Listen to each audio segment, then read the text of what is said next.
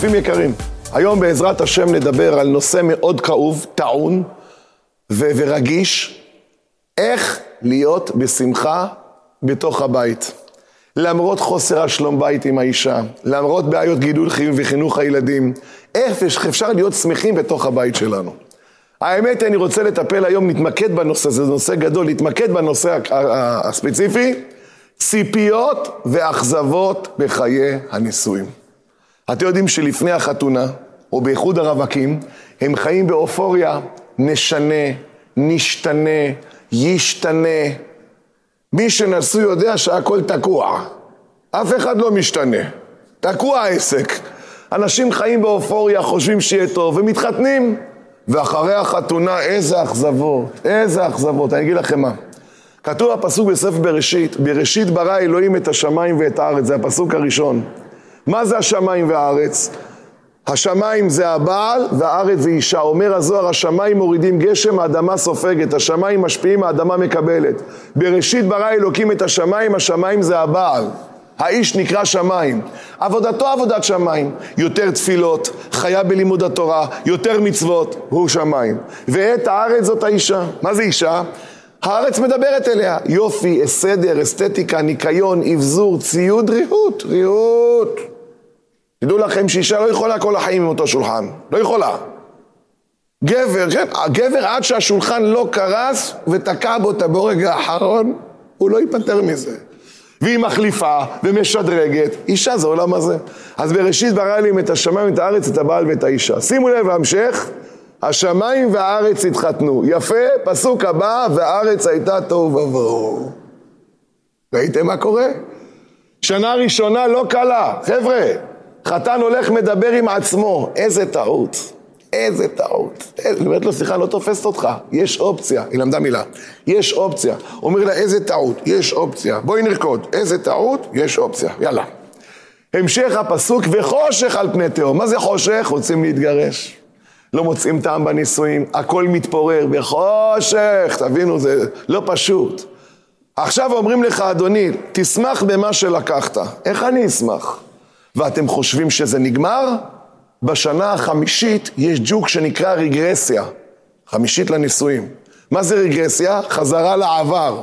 מה זה? היא אומרת לעצמה, וואי, איך לקחתי את, את שוקי, קוקו היה עדין קוקו, וגם הוא, איך התחתנתי עם ציפי, שולה רצתה אותי, שולה, הוא חושב על שולה והיא על קוקו והם רוצים לשתות שוקו.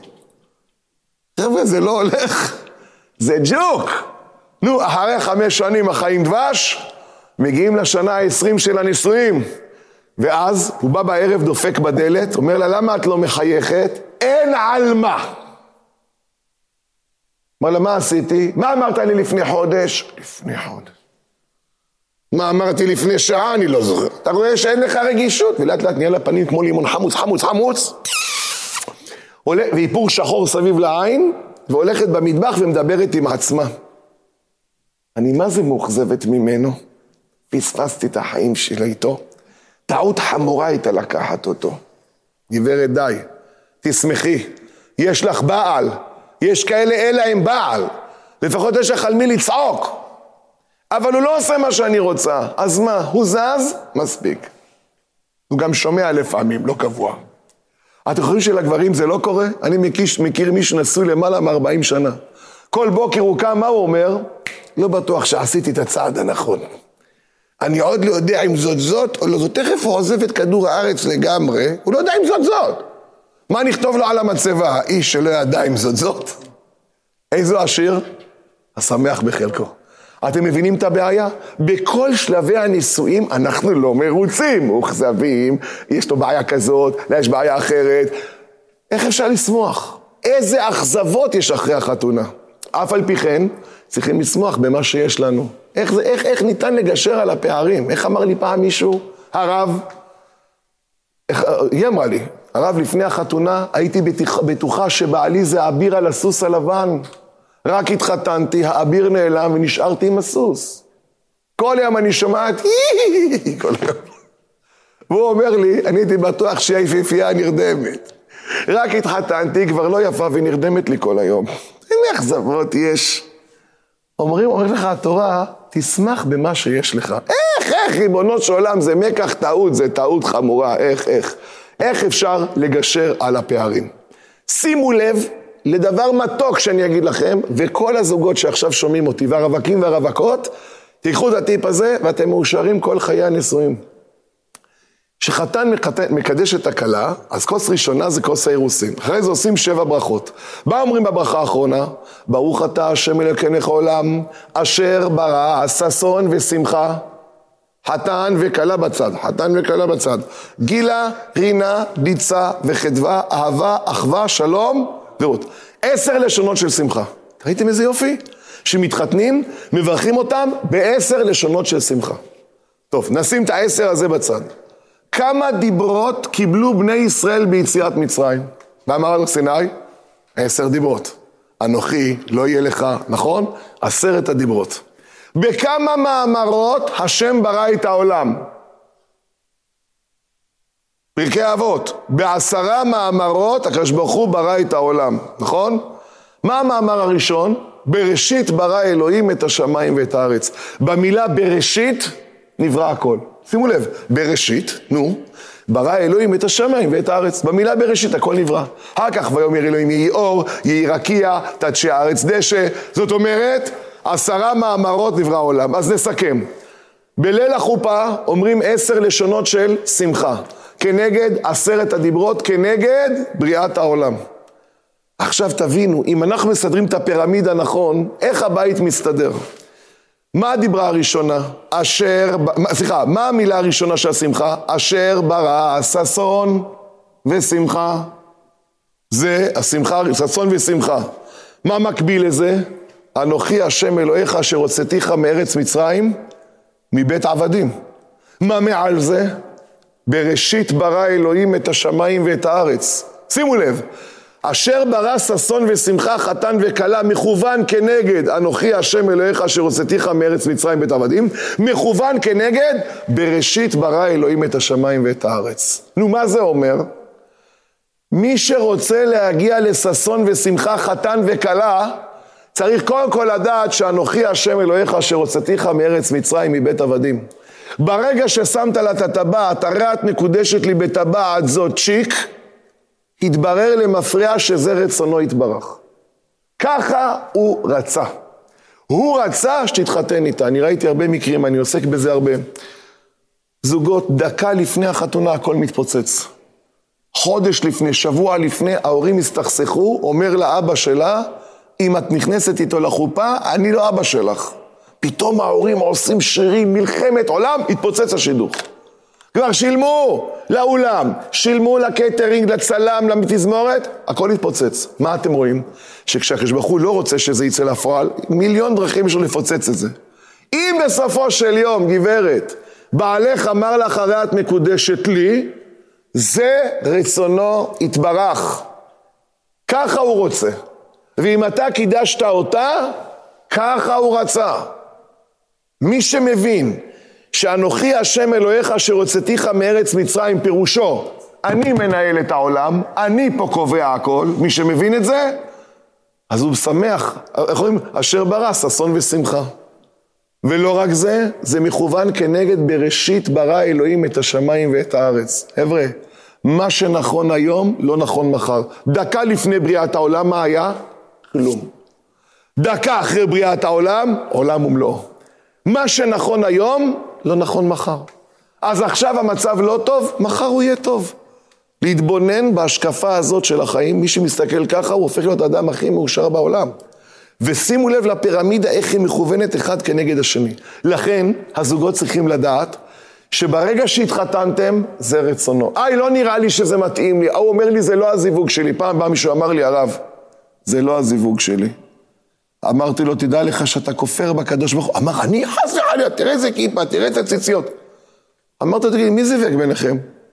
מי החליט שאתם מתאימים? קדוש ברוך הוא, כשאתה אומר, זה לא הזיווג שלי, אתה אומר, בוא נשלם, סליחה, אני מצטער, סליחה, אבל היה פה איזה טעות כנראה. מה זה לא הזיווג שלי? הוא החליט שזה הזיווג שלך, עם זה אתה צריך להסתדר. אבל יש לי קשיים, מצוין. ככל שיש קשיים יותר, אדם מתעלה יותר. אין זוג בלי קשיים, תבינו חבר'ה, אין זוג בלי קשיים. כשמתחילים לצאת לחיי הנישואים יש עליות וירידות כל הזמן. יש קשיים, אז מה? מתגברים, מתחשלים, מתעלים ועולים. יוצא שכל החתונה כולה הייתה מאת השם יתברך. מי שחי בתפיסת העולם הזאת, עוד פעם, אשר ברא ששון ושמחה, מכוון כנגד אנוכי השם אלוהיך אשר הוצאתיך מארץ מצרים ועבדים, אני מנהל את העולם, כנגד בראשית ברא אלוהים את השמיים ואת הארץ, מה שנכון אתמול לא נכון מחר, מה שנכון מחר לא נכון מחרתיים, היום אני בקטטה, מחר אני בשלום בית, היום אני לא מסתדר איתה, מחר אני אסתדר. מי שחי בפירמידה הזאת, יש לו חיים מאושרים. ובאמת, בספר ביחד חלק ב', שכתבתי לפני קצת יותר משנתיים, יש פה פרק שנקרא ציפיות ואכזבות בחיי הנישואים. שם תיארתי באריכות את הנושא של ציפיות, כן, הנה ציפיות ואכזבות בחיי הנישואים. כל הפרק הזה עוסק ב... איך אומרים? אני לא שמחה, אני לא שמח, אני מאוכזב. פה בפרק הזה תיארתי את הכל, ועשיתי לכם, נכון אמרנו שיש פירמידה? יש פירמידה, איך הפירמידה הזאת מובנית? הנה הפירמידה. אשר ברא עשר לשון של שמחה, עשר לשון של שמחה, אחר כך עשרת הדיברות בהר סיני, ואחרי זה עשרת הדיברות במאמר, ואחרי זה עשרה מאמרות שנברא העולם. זה הפירמידה של הבית. אבל היסוד הוא אשר ברא ששון ושמחה. אני רוצה שכל אלה שרואים אותי, אפשר גם הרווקים והרווקות שיקראו את זה, הכנה לחיי נישואים, וכמובן לזוגות הנשואים, ללמוד את הספר ביחד, ופעם למדנו, למה קראתי לזה ביחד? ביחד, בית יחד, שניים שצועדים יחד. מה הבנתם? איך קוראים את הספר הזה? ביחד. לקרוא את זה ביחד. חברותא, חברותא. יש ספר שחברותא, שאני כתבתי, ללמוד את זה ביחד. ואז מתעצמים, לומדים את זה ומשקיעים. איפה משיגים את זה? בכל חנויות ספרי הקודש בארץ. בכל החנויות ספרי הקודש, לרכוש, ללמוד ולהשתדרג. אתם רואים שכאן כתובים, כתובים כל הטיפים איך להיות שמחים למרות המצב. ולדעת שמה שיש לי זה הכי טוב. בעלי זה הכי טוב, אשתי זה הכי טובה. ולמה? למה זה הכי טוב? כי כל מה שנראה לנו זה דפקט וחיסרון, מתברר שזה לא חיסרון. בסוף מה זה? יתרון. ואני אסיים במשל מתוק.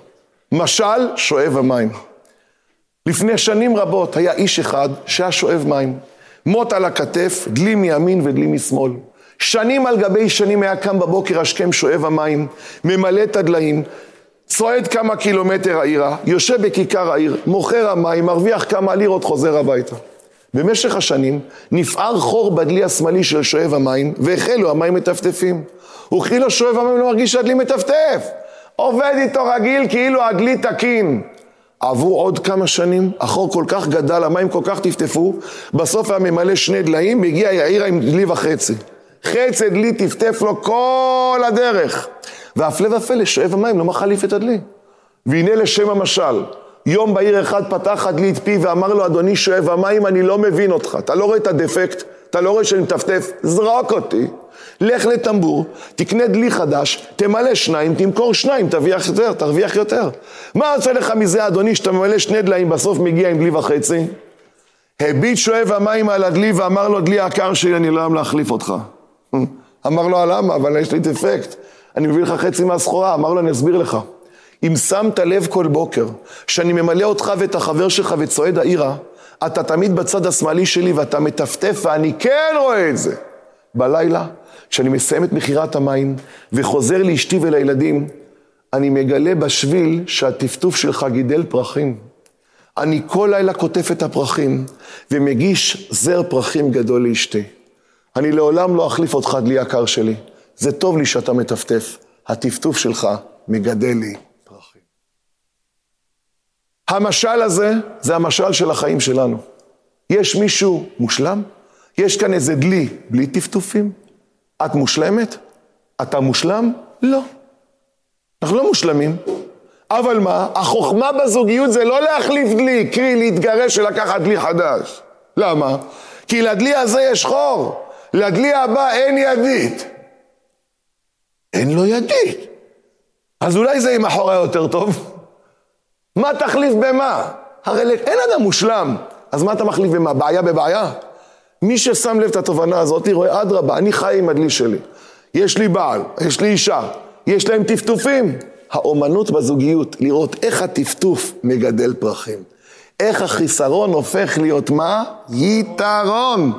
באמת, איך עושים את זה? צריכים ללמוד את זה. השלמת התכונות של האישה ושל האיש. ולשם כך, ביחד פרק, חלק א', עוסק בנושא תכונות האישה, תכונות האיש, ונבוא להתאמה. גם את חלק א' ללמוד ביחד חברותה. שם אני נותן המון תובנות להבין למה כל מה שחשבת עד היום שזה דפקט אצלו, פתאום את רואה שזה יתרון. כל מה שחשבת שזה חיסרון, ואין לך שזה יתרון. הכל נמצא בספרים ביחד א', ביחד ב', בחנויות הספרים. מה למדנו? זוגיות זה דבר שצריך לעבוד עליו, ללמוד אותו, להתבונן עליו, ואז זוכים לאיש ואישה שזכו, שכינה שורה ביניהם.